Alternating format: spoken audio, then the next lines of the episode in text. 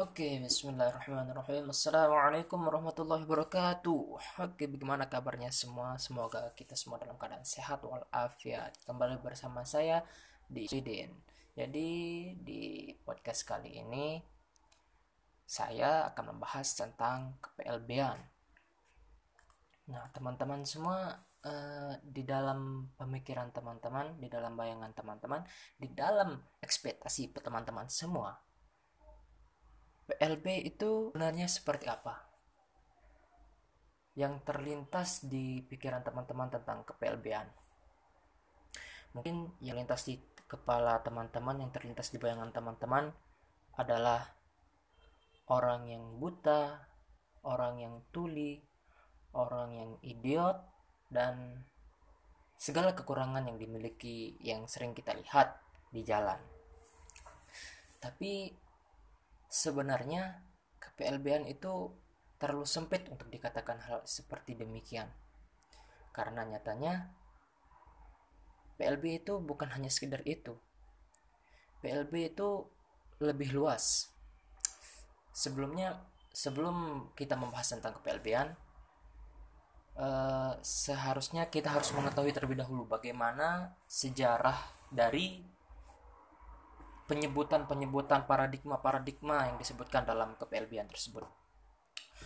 Mulai dari pada saat zaman jahiliyah kita sebut ya, kita sebut dengan zaman jahiliyah karena di sana anak-anak cacat, anak-anak yang buta, tuli, idiot yang kita lihat sebagai itu dianggap sebagai suatu hal yang suatu kutukan bagi suatu keluarga. Kenapa demikian? Karena seperti itulah pandangan terhadap orang yang terhadap ABK anak berkebutuhan khusus itu uh, seperti orang yang tidak memiliki tidak memiliki potensi untuk hidup. Seperti orang yang tidak layak untuk hidup. Jadinya mereka itu setelah lahir mereka diban mereka dibunuh. Mereka mungkin langsung dikubur oleh orang tuanya. Tidak diberikan apa tidak diberikan uh, bersosialisasi dengan masyarakat sekitar. Nah, seiring dengan bertambahnya masa, eh, apa ya? Aku bilang apa sih?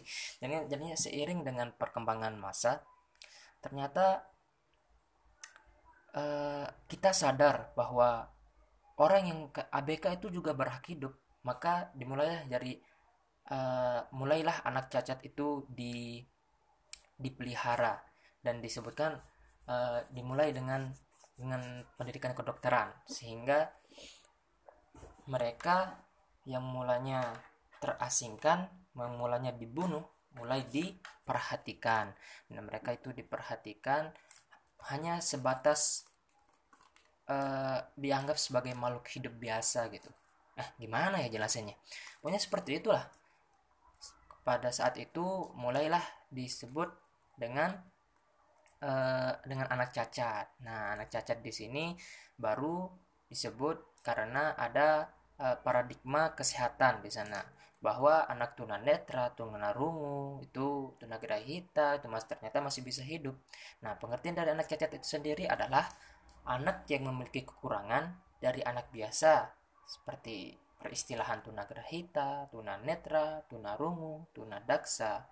Jika ditinjau dari kemampuannya, maka anak cacat digolongkan juga sebagai anak disabilitas. Nah, seperti itu.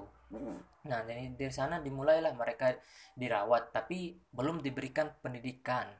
Mereka hanya sekedar dirawat saja kalau mereka itu hanya dianggap sebagai ya mereka berhak, berhak hidup seperti kita tapi masih ter, masih terasingkan gitu. Nah, seiring dengan perkembangannya dunia pendidikan, oh yang tadi tuh seiring dengan perkembangannya dunia kedokteran. Nah, sekarang setelah seiring dengan perkembangan dunia pendidikan bahwa kita tahu bahwa anak ABK, anak berkebutuhan khusus itu masih bisa masih bisa untuk diberikan pendidikan. Mereka masih bisa berkreasi, mereka masih bisa berinovasi seperti halnya kita yang normal. Ya seperti itu. Seiring dengan dunia pendidikan, maka kita sangat sadar bahwa uh, anak tunanetra, tunarungu dan tunagrahita dan lain-lainnya itu mereka punya potensi sehingga muncullah paradigma baru. Paradigma baru tersebut yang merubah yang mulanya sebutan anak cacat menjadi anak ALB atau anak luar biasa. Nah, pengertian dari anak luar biasa itu sendiri adalah anak yang hebat atau memiliki potensi di atas rata-rata. Nah, itu anak luar biasa menurut KBBI. Nah, tapi sebenarnya uh, tapi dalam lingkungan pendidikan istilah pendidikan istilah luar biasa adalah anak yang memiliki kelebihan atau kekurangan secara signifikan dari anak biasa sehingga memerlukan layanan pendidikan khusus. Nah, seperti itu. Nah, yang mulanya anak cacat yang mulanya dari uh, pandangan anak cacat menjadi ke ALB.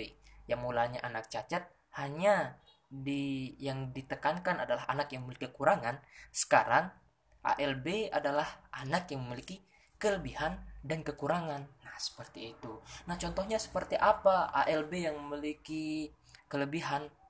Nah, contohnya seperti anak yang jenius anak yang uh, eh, IQ-nya di atas rata-rata secara signifikan seperti itu.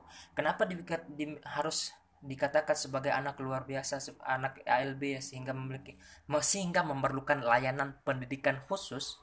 Itu karena anak uh, yang luar biasa, anak yang jenius biasanya kalau belajar itu kan cepat masuk ya.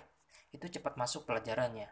Sehingga kalau dia sudah ma cepat masuk diajarkan kembali oleh gurunya maka mereka itu bosan.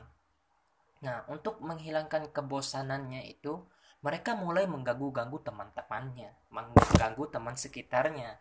Nah sehingga uh, perkembangan dari yang mulanya dia jenius ini malah tidak bisa berkembang gitu. Malah menjadi uh, tidak baik gitu. Sehingga untuk uh, agar bisa agar bisa meningkatkan potensinya itu anak jenius ini memerlukan layanan pendidikan khusus.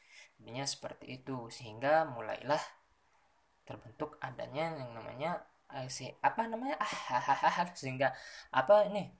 Uh, pendidikan jalur perkembangan pendidikan itu. Ya seperti itu. Hingga ada layanan pendidikan khusus Nah, ini mulanya yang mulanya dari uh, yang di ada di benak kita itu HLB itu adalah anak luar biasa itu hanya anak yang cacat, anak yang buta, anak yang tuli, yang idiot itu sebenarnya tidak benar. Yang ALB itu ternyata juga anak yang luar biasa juga dikatakan ALB itu. Karena memerlukan layanan pendidikan khusus. Mereka itu membutuhkan layanan pendidikan khusus agar uh, potensi yang dimiliki oleh mereka itu bisa dioptimalkan seperti itu. Nah seiring dengan teruskan ini uh, pendidikan kita ini akan terus berkembang kan? Terus berkembang sehingga muncul lagi juga paradigma baru. Paradigma baru yang menyatakan yang sehingga penyebutan ALB itu berubah menjadi ABK yang mulanya anak luar biasa menjadi anak berkebutuhan khusus. Nah, apa itu anak berkebutuhan khusus?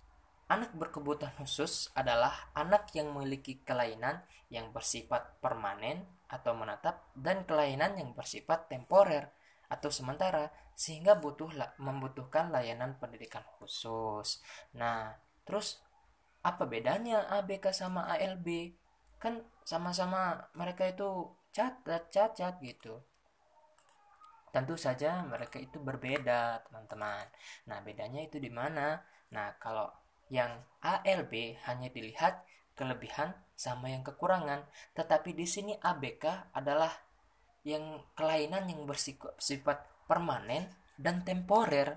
Nah apa itu maksudnya yang temporer atau yang sementara? Misalnya seperti contohnya ya anak-anak yang tidak bisa mengenyam pendidikan tidak dapat mm, mengenyam pendidikan yang layak karena uh, karena keterbatasan layanan pendidikan atau terjadi bencana atau orang tuanya broken home gitu kan itu banyak yang terjadi. Sehingga ternyata kita pun menjadi pendidikan yang sekarang itu menjadi lebih terbuka gitu. Sehingga ini oh ternyata anak ini juga membutuhkan layanan pendidikan khusus loh.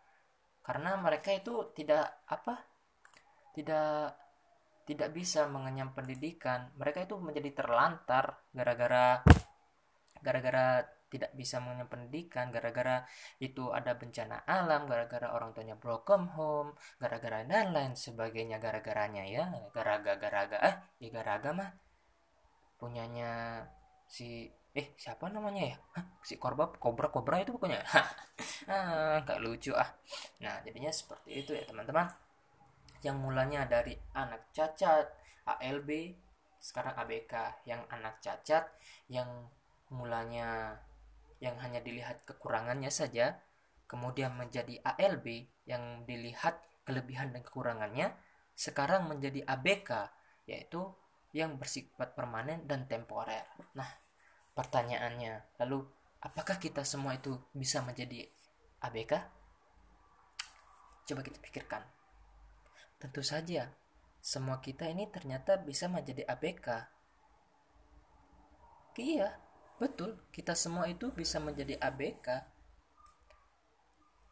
asalkan apa namanya memenuhi ah, ada kok memenuhi persyaratan sih. Pokoknya kita semua itu bisa menjadi ABK kalau tiba-tiba apa namanya itu kita tidak bisa mengenyam pendidikan kita itu terlantar. Kita itu dikatakan juga sebagai ABK jadinya eh, pandangan teman-teman itu sekarang tentang ABK itu bukan hanya tentang orang yang cacat, orang yang tidak punya tangan, tidak punya kaki, tidak punya penglihatan, tidak punya pendengaran, orang yang intelektualnya rendah, yang bisa dikatakan idiot gitu kan, anak tunagrahita, tunadaksa dan lain-lainnya itu ternyata bukan hanya itu, ABK itu luas.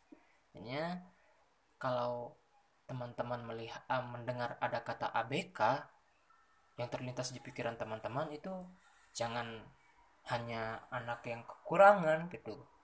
Karena ABK itu luas gitu.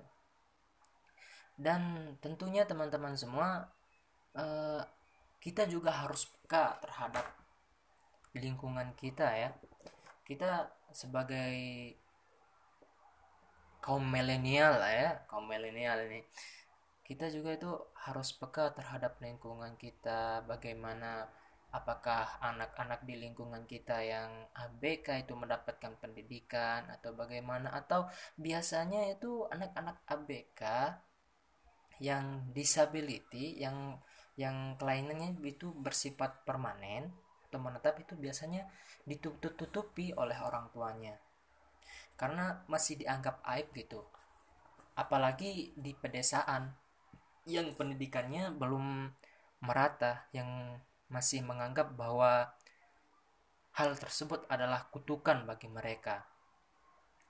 Makanya itulah tugas kita untuk selalu uh, memasyarakat eh memasyarakatan apa menginformasikan kepada masyarakat luas bahwa anak-anak ini masih bisa berkembang, anak-anak ini masih bisa berinovasi.